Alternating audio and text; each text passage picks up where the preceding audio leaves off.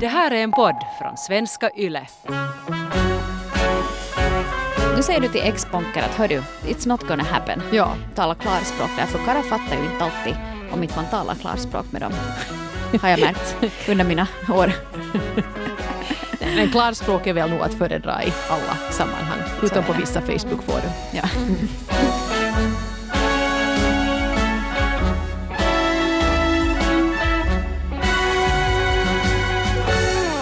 Relationspodden Norrena och Frans är tillbaks idag faktiskt med lite av ett eh, specialavsnitt. Jo, eh, det här är någonting som vi tänkte kalla Dilemmapodden. Den är nu relationspodden Norrena och Frans, men vi ska ta och sätta tänderna i några stycken dilemman som ni har skickat in till oss. Och det kommer att bli lite av varje. Vi fick in så många så det kommer säkert att bli flera sådana här avsnitt. Men ska vi ge lite exempel på vad vi kommer att diskutera idag? Mm.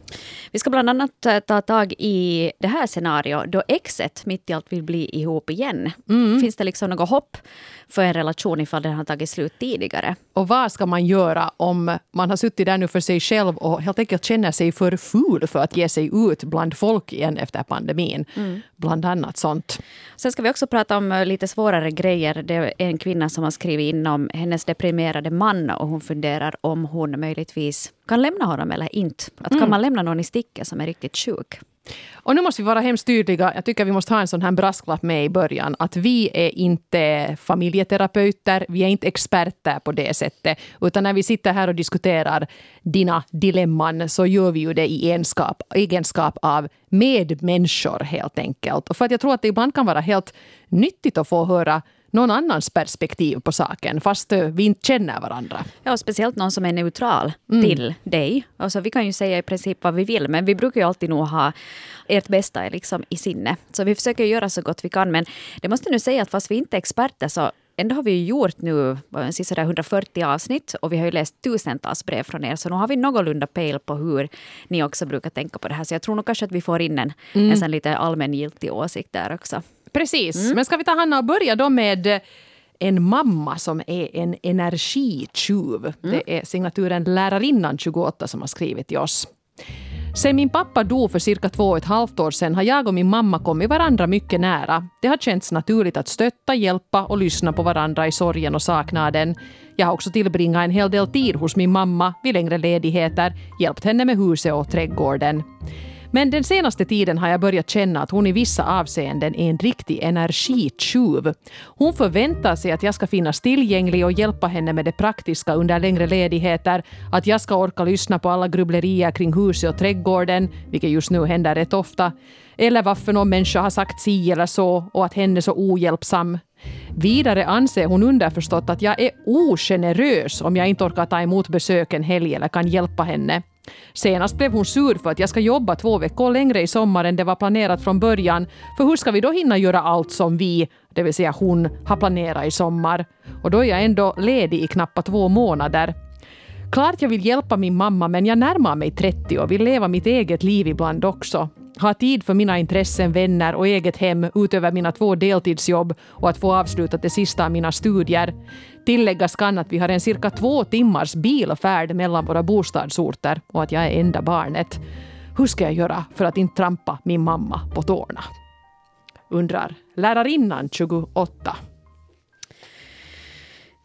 Ja, under de här två och ett halvt åren så har det ju hunnit, hunnit hända ganska mycket. Och givetvis är ju ett, ett dödsfall eller en tragedi inom familjen någonting som oftast för en närmare varandra. Och det är jättefint att man kan hjälpas åt och hjälpa till och, och, stötta varandra genom den där långa processen. Men eh, två och ett halvt år har ändå gått att man tänker att det riktigt värsta borde ju nog säkert ha gått över åtminstone någorlunda.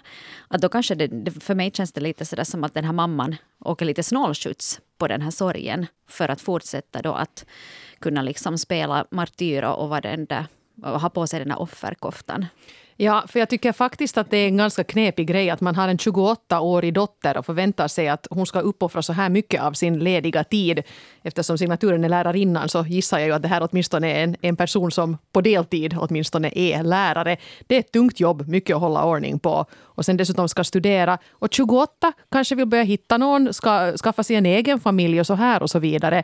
Uh, jag tycker nog att du måste säga ifrån.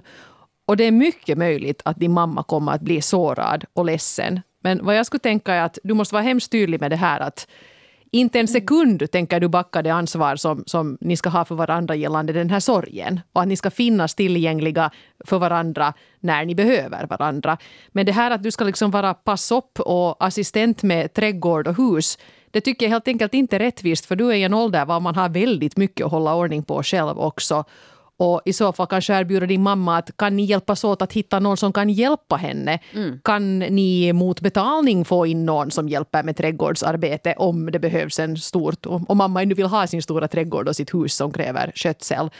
Kanske hon till och med måste lite omvärdera den saken nu när hon är ensam och du håller på att bli vuxen och ha ett eget liv. Mm. Jag tycker inte att man kan riktigt förvänta sig av sina vuxna barn att de ska vara ens eh, bästa kompis eller ens bästa väninna. Det är ju fint om man kan ha en nära relation och, och hjälpas åt. Och så där. Men, men dessutom också att det är ett så långt avstånd. Att det är inte så där bara att du åker över en kväll och, och hjälper till och, och räfsa ihop en hög. eller någonting sånt. Utan det, det kräver egentligen all din lediga tid. Och man måste också få vara självisk som du sa där Eva också, att eh, till exempel den här nu som är en lärare, att även fast du har ett långt sommarlov på två månader eller mera, så behöver du säkert den här tiden också för att återhämta dig eller för att inte göra någonting alls. Men jag kan tänka mig att man också har ganska dåligt samvete om man sen prioriterar sig själv. Att man tänker att men där sitter hon nu ensam och, mm. och är ledsen och, och, och, vad heter det, blommorna slokar ute i trädgården och här sitter jag och dricker rosé med mina kompisar. Men, det, men det är det man ska ja. göra då man är 28. Och det, det är måste, det man ska göra ja. och det tror jag också att den här mamman egentligen vill nog unna dottern den där. Men jag tror kanske att det har blivit en liten låsning här. Dottern har tagit över pappans uppgifter. Mm. Kanske det var pappan som fixade med huset och fixade med trädgården och hjälpte till med det där. Och det är inte schysst. Jag menar, det, så mycket ansvar kan man inte ta över. Det här att finnas där för varandra som emotionellt stöd, det ska ni förstås fortsätta med och finnas tillgängliga. Men jag tycker faktiskt att din mamma är lite orättvis mot dig. Så jag tycker nu att du måste helt enkelt säga ifrån.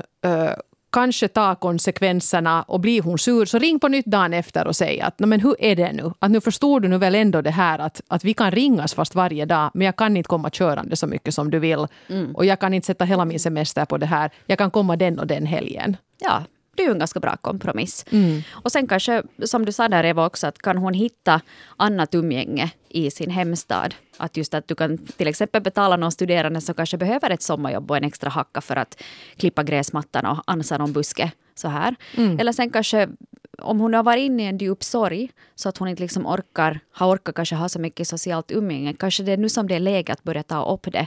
Mm. Nu har vi kommit igenom den här pandemin, eller vi är åtminstone på slutrakarna av den. Så nu kanske man kan också börja ha ett mer socialt liv. Kanske vet du, hitta folk som tycker om samma saker. Mitt i allt så hittar hon någon härlig gubbe där som älskar att potta i trädgården. Mm, man har gått och önskat sig en fin trädgård och en, en tjusi äldre dam. Ja. Hon behöver inte ens vara så hemskt gammal om dottern är 28. Mm, mm, ja. ja, men i alla fall dags att lite klippa navelsträngen här och du ska inte ha dåligt samvete för att du inte ställer upp och är liksom trädgårdsmästare hos din mamma. Mm. För det kan inte en förälder förvänta sig. Nej. Nej. Lycka till! Yes. Vi ska gå vidare här till nästa brev som äh, efterlyser att vi ska prata lite om det här med om man flyttar ihop. Inte singel mer, skriver så här. Har ni haft ett program om att flytta ihop? Det kan ju vara knepigt, speciellt om man har bott ensam länge, om man är van med att ha det på sitt sätt och så vidare. Och så kommer den andra insläpandes med sina hemska prylar. Mm. Mm. Mm. Där har jag varit, men, men det är nog ett tag sen nu. Ja, jag skulle inte flytta ihop med någon. Ja. Mer inte. Men hur var det då när du flyttade ihop i tiderna? Kom, kom ditt ex farande med något prydnadsföremål som han tyckte var fina men som kanske du inte var helt eld och lågor över. Ja, mitt ex har ju nog en del brister men jag måste säga att hans äh, känsla för estetik och inredning så var nog helt en tia. Ser du? Så där kan jag inte egentligen klaga någonting utan han, han var ju mera så att här, här kommer jag med mina dyra konstverk, ska vi hänga dem på väggarna? Så det är helt, helt fine. Eller jag tycker om designermöbler, mm. det är också helt okej. Okay. Men det är ju nog, om man ska fly, nu vet jag inte hur gammal den här personen är, att om du är ung, ska vi säga att du är 20-30, någonting sånt. Så då kanske du inte har så jättemycket prylar. Du har lite nedärvda soffor och, och kanske något Ikea-matbord och så här. Men om vi säger att du är dubbelt äldre, att om du är 50, då har du liksom en, ett helt liv. Mm, och samlat man, på sig. Om man då mm. liksom att den ena gillar eh, en gammal sliten lädersoffa som har sett sina bättre dagar medan den andra skulle kanske vilja ha en snygg plyschfundering. Så då kan det vara lite svårt förstås att få ihop det. Jag skulle ändå säga det att det känns så på något sätt stort det här, åh vi ska flytta ihop och att det ungefär ska vi behålla din osthyvel eller min osthyvel eller din hushållspappershållare eller min. Eh, ett gemensamt hem är ju ett långt projekt. Och det kan hända när ni flyttar ihop att det följer med då det, följer, det, det, är en härlig kar men med honom följer världens fulaste soffa som han vägrar skiljas ifrån. I något skede kommer den där soffan liksom att vara beyond repair. Och då kommer du att få en ny ja. soffa. Men i alla fall, man måste kanske kompromissa och man måste leva med lite sådana här hemska grejer.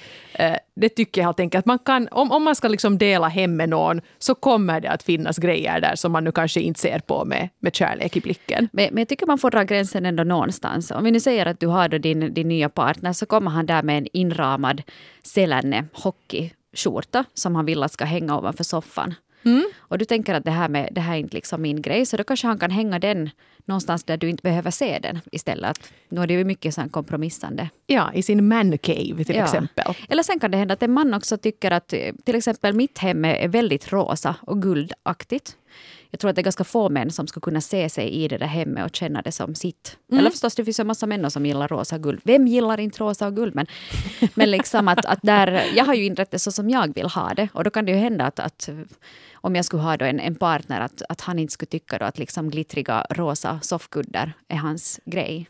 Nej, men kanske dina rosa glittriga soffkuddar kan ligga i hans skitiga lädersoffa och så är det liksom symbolen ja. för, för er, er, ert liksom förhållande. Eh, det är ju kompromissande. Båda har kanske grejer som man verkligen inte vill skiljas ifrån. Eller man kommer med något som liksom är lite arvegods eller någonting sånt här. Men jag måste nu säga att vi som nu har bott ihop i, i nåja, det blir ju så småningom 20 år. Eh, nu först börjar det ju att kännas sådär som att vi, vi har de grejer som, som vi ska ha och som båda båda tycker om. Men det hängde nog med ganska länge jag hade till exempel en, jag tyckte den var jättefräsig. Jag, hade lite, jag, jag fick riktigt sån nostalgi nu när, när den här Friends reunionen kom. För jag hade, när jag flyttade hemifrån så jag ville bo lite sådär som, som Rachel och Monica. Jag ville ha lite ett sånt hem, ett sånt stort mexikanskt soffbord och något här art deco-planscher på väggarna. Jag skulle gärna ha mycket lila väggar och sånt här. Mm. Och lite av det här så släpar jag nu ännu med mig som bar last sen när vi flyttade ihop med Jonas som ville ha infällda spottar och mycket möbler i krom. Uh. Ja. Nåja. Men nu har vi ju liksom faktiskt då båda dera släppt de här grejerna, skaffat nytt ibland, kanske sådär haft så mycket pengar att vi har kunnat investera i någon möbel som vi båda har velat ha och så här. Och det blir nog bra. Mm. Men i sitt gräl allt för mycket utan försök kompromissa. Och ska du behålla den här så vill jag ha den här. Viktigast om man ska flytta ihop är ju dock ändå det att man pratar igenom eh, kanske gemensamma spelregler för det där hemmet. Jag tror att det är ett större problem än det här med, med vilken soffa vi ska ha. Vet du, att hur delar vi på pengar? Hur delar vi på hushållssysslor? Vem gör vad? Att den diskussionen skulle jag nog säga att, att det är den absolut viktigaste. Mm, det tycker jag också. Att hur pass städigt har vi det här hemma? Är det okej okay att slänga skitiga kläder runt sig? Eller måste de vara i tvättkorgen? Sådana här saker kan bli jättestora problem, hur banala de än låter. Så, mm. så försök att snacka igenom det där så tror jag nog att ni... Och testa! testa. För där, ni vet ja. inte riktigt hur ni kommer att fungera som, som sambor förrän ni har bott ihop ett tag. Och kanske att försöka ta, ha lite sådär som man har bolagsmöte med, med husbolaget. Mm. Man funderar att vad har vi kommit fram till här på sistone, vad behöver göras och vad måste vi åtgärda? Precis. Mm. Eh, ja, nu har vi ett ganska tungt och ganska långt brev eh, som jag ska läsa upp nu här i sin helhet, för jag kanske inte vill korta ner det. Mm. Jo, det här brevet anknyter lite till de ämnena som vi talade om där kring årsskiftet. Då pratar vi om psykisk ohälsa och, och då du är tillsammans med någon eller har någon i din närkrets som, som mår väldigt dåligt. Och då gjorde vi ett avsnitt på det och nu så fick vi då ett brev från signaturen Snart död inuti 40 plus som, som hade en fråga kring sin egen situation. Min man blev deprimerad för många år sedan när barnen ännu var små. Han ville begå självmord, men vi fick in honom på sjukhus för en tid. Efter första chocken av vår förändrade livssituation bestämde jag att vi skulle klara det. Om vi ställer om och kämpar på så klarar vi det. Ett halvt år eller ett år orkar man ju. Eller hur länge det nu sen tar att bli frisk igen, för visst kommer han ju att bli frisk igen, eller? Nu har det gått många år sedan det där. Jag har fixat vardagen medan han vandrar omkring som en zombie. Ibland ser jag en glimt av den han en gång var, men sen försvinner han igen. Ibland hjälper han till med barnen och huset, men för det mesta fixar jag allt. Han får vård, men jag vet inte om han har blivit bättre. Jag prövade till och med på att vara otrogen eftersom vi inte haft sex på många år, men det kändes bara tomt. Nu märker jag att jag har tappat all framtidstro. Jag tänker framåt, en vecka i taget, på allt det praktiska som ska fixas. Jag jobbar för att det är ett andningshål i livet och som tur är räcker pengarna. Men jag känner att jag inte längre är den jag någon gång varit. Egentligen vet jag inte längre vem jag är. Ser någon att jag finns här? Ibland funderar jag på hur det skulle vara att skilja sig. Skulle livet bli bättre då? Fortfarande skulle jag sköta allt själv, men zombiemannen skulle inte vandra omkring i samma hem. Men hans inkomster räcker knappt till hyra. Kan jag sätta min sjuka man ut på gatan bara för att jag inte orkar? Blir någonting egentligen ens bättre då? I en motsatt situation skulle jag ju vilja att han tar hand om mig. Och jag älskar väl honom, i alla fall de dagar som det går att se hans personlighet titta fram. Snart död inuti, 40 plus har skrivit detta. Och Hanna, du har ju varit i en lite motsvarande situation. Ni hade förvisso redan gått skilda vägar men du hade i alla fall gemensamma barn med en person som bod, mådde lite, lite på samma sätt som den här som beskrivs här. Mm. Ja, jag känner att, eh, jag menar jag är ju ingen expert men jag har ju mångårig erfarenhet av en sån här situation. Och eh, givetvis mitt första råd är det att söka hjälp av en professionell som kan hjälpa dig i den här situationen. Det är helt klart. Men det absolut andra som jag vill på något vis eh, påpeka här är att det, att, att det finns liksom en gräns för hur mycket du kan göra för någon annan. Och det finns eh, allt för många som har liksom utplånat sig själv i sitt försök att försöka rädda en annan person. Och det är det liksom aldrig aldrig värt. Jag tänker också den här signaturen snart död inuti 40 plus. Den liksom antyder att den här gränsen, om den inte passerar så är hon åtminstone på gränsen för vad hon fixar. Och jag bara tänker liksom här att du, du måste bara ta hand om dig själv.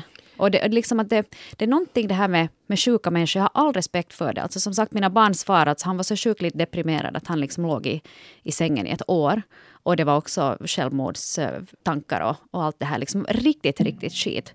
Och jag märkte för mig själv att jag måste sätta den där gränsen. För att en sjuk person, det är, är, är likt en drunknande. Den kommer att dra ner dig liksom under mm, vattenytan mm. om den bara kan klamra sig fast i dig. Och det är hemskt, men man måste liksom hålla den distansen. Om det nu har gått så här många år och du känner själv liksom att, att du inte fixar det mera, så... Jag menar, ni har barn. Mm, du måste mm. liksom ta hand om dig själv för dina barns skull, om inte annat. Inte säga det som att, att du är självisk på det viset. Inte. Vi hade ju faktiskt en, en gäst när vi diskuterade det här ämnet, Monika Hallinen som, som arbetar just med, hon är psykoterapeut och har arbetat mycket med anhöriga till psykiskt sjuka. Och jag tycker hon sa en sak som var så bra att jag tror vi satte till och med som rubrik på det avsnittet. Kom ihåg att sjuka människor också har ansvar. Han har mm. liksom inte blivit ett barn för att han mår dåligt. Och det är klart att det är synd om honom att han inte kan rå för att det har blivit på det här sättet. Men han har fortfarande ett ansvar som förälder och medmänniska. Och det här att, att du då som har skrivit till oss har satt hela ditt eget liv på något sätt på paus och börjat må riktigt dåligt själv. Eh, det, är inte en, det är inte rättvist det heller. Och jag tycker precis som, som Hanna här att att jag är nästan mera orolig för din situation, för det låter på ditt brev som att du mår ganska dåligt själv också. Jag tror att du kommer att behöva gå till en terapeut och diskutera ditt eget mående vid sidan av den här din partners mående. Mm. Fokus på det nu.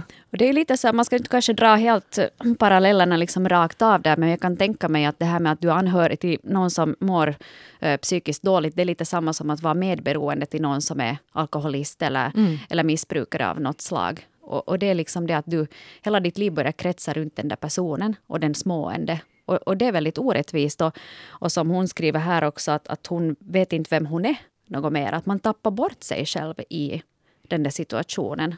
Mm. Och, och, som du sa Eva, definitivt så behöver ju hon bearbeta det här. Men jag tror att det absolut första som du behöver göra är att du behöver skapa en miljö för dig själv där du kan andas och vara, vara liksom vara dig själv och vara med dina barn. Och, och, som sagt, jag tror att hon skrev också här, det tog vi inte, läste inte upp här nu, för jag kommer ihåg att då, då jag var sökte läkarhjälp för att jag själv var så slut, då, då Thomas var också så himmelens deprimerad, det var så hemskt, så sa den där läkaren till mig att eh, no, så what om han tar livet av sig?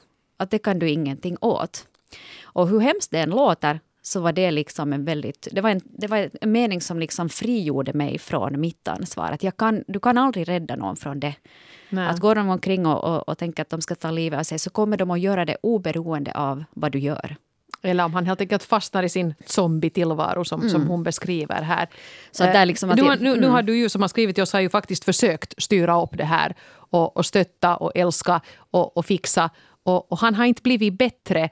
Och i något skede kommer nog gränsen emot för vad du riktigt kan göra. Så jag skulle nog säga att nu sök, sök hjälp för dig själv. Ja. För, för liksom, i, i samma veva att du kanske börjar komma lite sådär underfund med... När du hittar dig själv igen så kanske du också kommer att komma på vad det är du ska göra. Mm.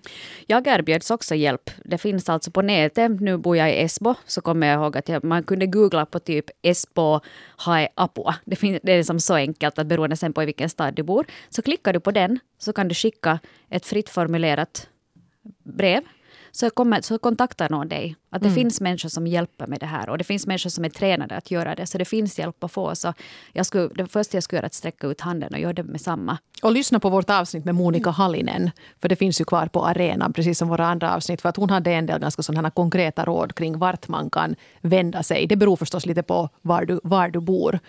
Men varma tankar och, och, och kärlek till dig. Och du har fixat så här mycket så här långt nu måste du få fixa dig själv i lugn och ro också. Mm. Och eh, ja. Vi håller tummarna. No, vi, vi, håller tror tummarna på dig. Jätte, och du får tänka på dig själv. Det, ja, det du bör du göra. tänka på dig själv. Så är det, så är det ja. Mm.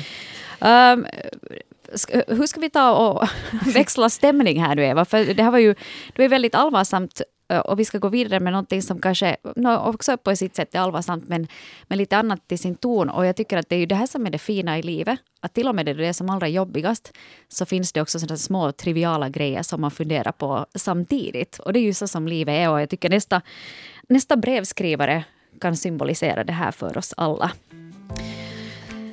Hej på er! Jag önskar att ni skulle kunna prata lite om utseende och kroppsfixering hur man ser på sin kropp kan ju verkligen påverka ens relationer. Speciellt så här när världen småningom börjar öppna upp igen och man ska ta sig till arbetsplatser eller kanske gå ut och träffa vänner.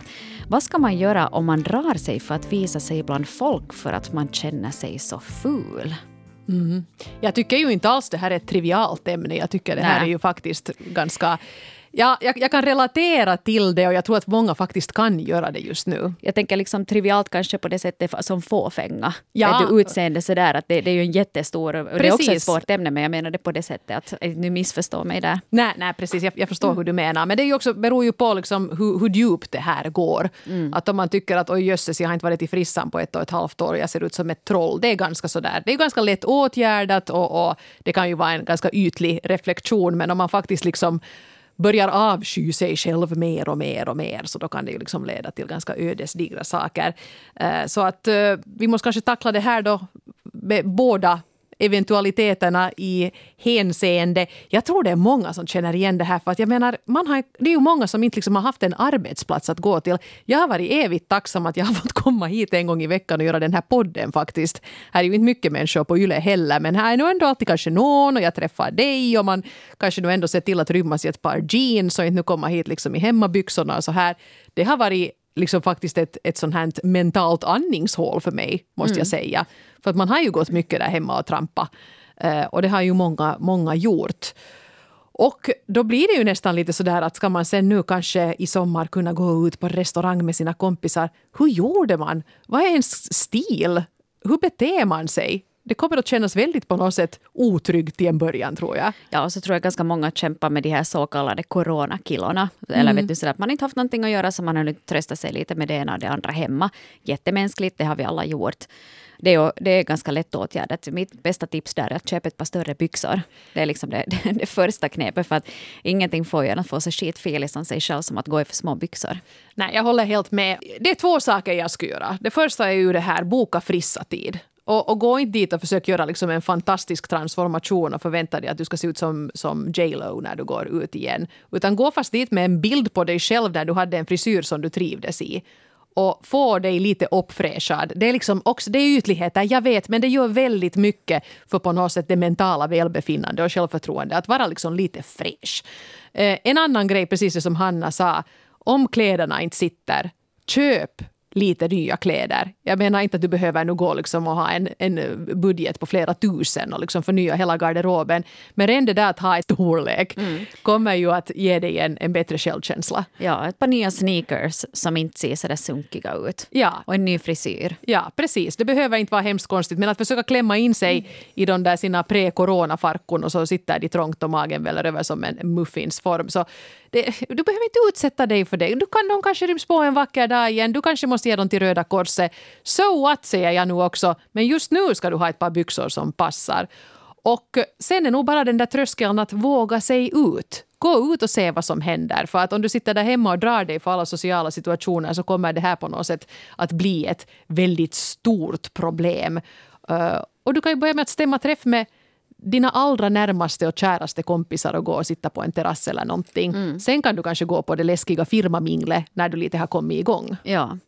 Och sen ska du komma ihåg att det är alltid du själv som är mest kritisk mot ditt eget utseende. Mm. Vi alla andra så ser ju de goda kvaliteterna hos dig och hos andra. Det är ju bara vi själva som står och stirrar på oss själva i spegeln med, med förstoringsglas och på något vis tittar på varenda por och usch, se på det här och mm. eländes elände. Och sen lite det här med att, att vet du, det finns, alltid finns det ju någonting på ens kropp eller ens utseende som man är nöjd med. Fokusera på det. Att har du en, en, ett schysst clevage, så, så fokusera på det. Mm. Eller som du Eva brukar säga någon gång, var det nu Audrey Hepburn eller vem det var du brukar citera, att, att om du känner dig lite nere så sätt på dig ett läppstift Mm. Att det hjälper. Du brukar säga också att podden blir bättre om man har läppstift på sig. Det blir den, ja absolut. varken, varken jag, jag, jag, jag, är också en, jag är också en bättre Eurovisionskommentator när jag har höga klackar. Just det. De ja. hörs liksom. Ja. ja. men att man kan göra det, att liksom, med små saker så kan man göra ganska mycket. Och sen är det att du sätter på dig de där klackarna och går till den där terrassen och så märker du att hmm, folk kikar ju lite på mig. Det kan ju också liksom hjälpa upp en självförtroende lite. Mm.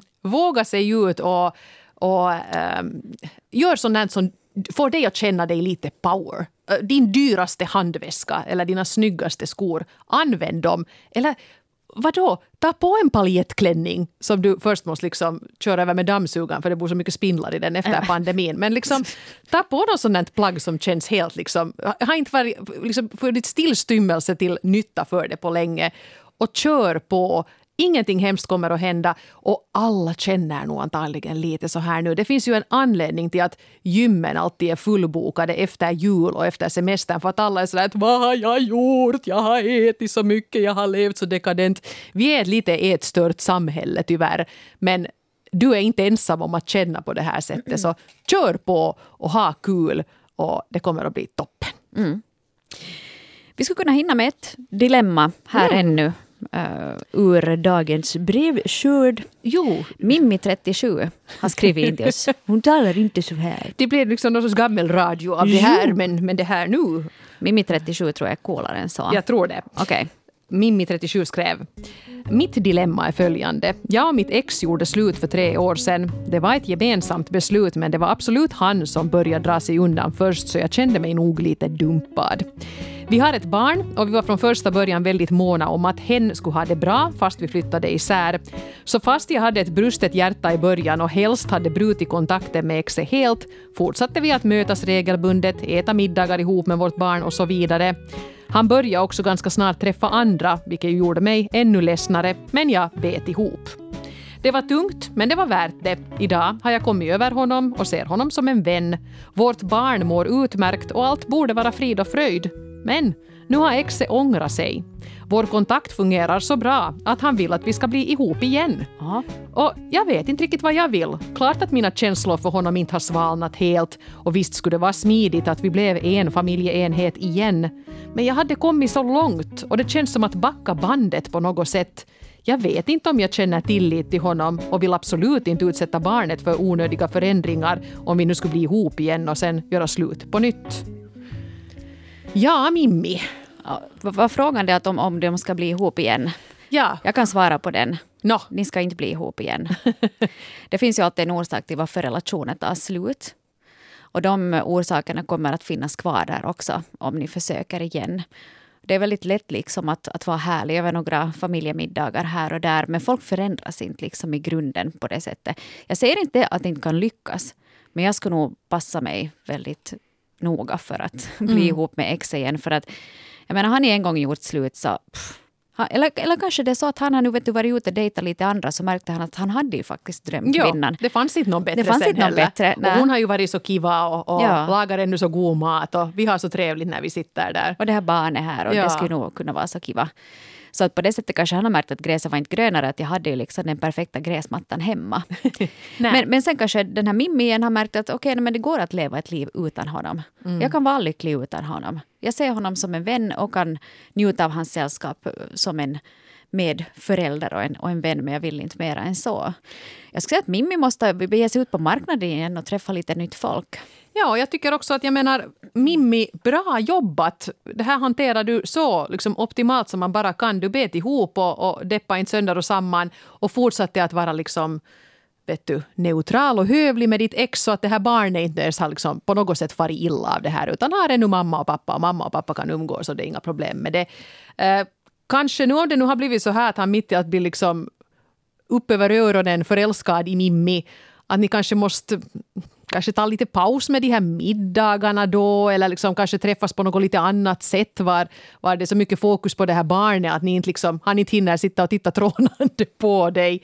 Men eh, i alla fall, jag skulle säga att var tydlig med honom att, att det här jag är så glad att vi har det vi har och att det fungerar så bra och att vi är goda vänner. Men mer än det kommer det nog inte att bli. Nu, nu vänder jag kappan här helt. Jaha. Jag föreslår ett annat scenario som jag just kom att tänka på. Vad om, om Mimmi och hennes ex skulle skicka det här barnet till mummos över helgen och så far de på ett sån här romantiskt hotell veckoslut. Bara på tumis. För så att nu bara all in och så ser vi vad som händer. För ibland kan det ju vara också, vet, det är den där förbjudna frukten och man börjar minnas att oj, det var ju nog så kiva och allt det här. Och sen börjar du märka att men uschen hade ju en vidrig fotsvett eller, eller det att han alltid snarkar på ett visst sätt eller han skrattar sådär. Det stör mig. Att, att kanske ni borde istället för att inte umgås alls, umgås jätteintensivt och verkligen säga att vi ger det här en, en vecka. Men skulle det vara ännu bättre då att man jo skickar iväg barnet men så flyttar han hem till henne medan barnet är borta. För på ett romantiskt hotellveckoslut ja. så är det ju nog lätt att bli knäsvag för vem som helst. Och, och de har så mycket doftljus så man känner inte vad hans fötter doftar. Men hemma hos sig själv kanske man skulle inse att se, nu är han igång igen. Går Ja. omkring där. Usch, Där sitter, han och, ha. ja, där sitter han och scrollar på sin telefon. Ja, ja, så här var det ju hela tiden. Ja. Just så. Jag menar, ibland kan det ju vara så att man bara måste testa att om man liksom drar det till sin spets så kanske man, det är lättare att, att veta Mm. hur det ska bli. Ja, men jag skulle säga att don't go there. För att om Mimmi har kommit över honom och inte liksom på något sätt längtar tillbaka, inte ska hon då liksom heller behöva... Ja, klart att det låter behändigt och bra att tänk om vi nu igen skulle bli en, en familj under ett och samma tak, men är det sen värt det? Mm. Och det är sant det, om hon en gång kommit över honom så Ja. kanske det är onödigt att börja potta på den sårskorpan då. Och det kan sen hända att blir det krångel där att de förlorar den här vänskapen som de har nu. Och då är det ju riktigt eländigt. Att kanske hellre värna om, om hur det har blivit. Ja, nu säger du till ex-bonken att hördu, it- it's not gonna happen. Ja. Vet du, att nu, Bort nu har med vi- de där hundögonen, Ja, nu får du sluta, nu får du sluta där och titta trånande på mig. Far du ut och kika på några andra brudar att jag, jag, jag är färdig med dig. Ja, men att det, så kan vi ta spaghetti sen igen nästa söndag, men att that's it. Att det kommer inte att hända. Mm. Raka rör. För det, jag tror att man måste vara tydlig med det där också. För det kan ju hända att om du är artig, kanske lite trevlig och skrattar åt hans skämt, att han tolkar det som att du kanske också är intresserad. Så om inte du är det så måste du nog, tror jag, Nej. tala klarspråk där. För karlar fattar ju inte alltid om inte man talar klarspråk med dem. Har jag märkt under mina år. Men klarspråk är väl nog att föredra i, i alla sammanhang. Så är det. Utom på det. vissa Facebook-forum. Ja. Hej, det här var ju roligt. Det här var riktigt intressant. Ja. Hörni. Ni får gärna fortsätta att skicka in sådana här dilemman. Eh, Jag vill upprepa det här med att det går alltså att kontakta oss anonymt. Alla formulär som vi lägger ut blir liksom liggande kvar. Och skriver man i, fast ni skulle hitta ett formulär var det står att var går gränsen för otrohet och du vill gnälla på din svärmor så går det bra att skriva dit för att det landar ändå i våra inboxar.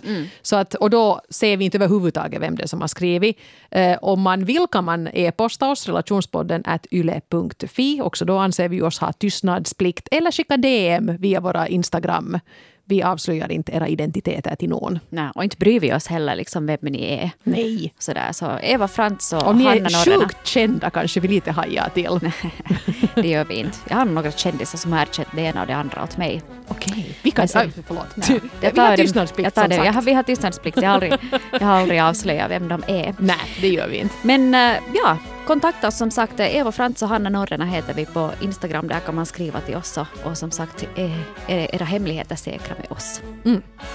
Vi hörs igen om en vecka då. Det gör vi. Ha det så fint. Hej då!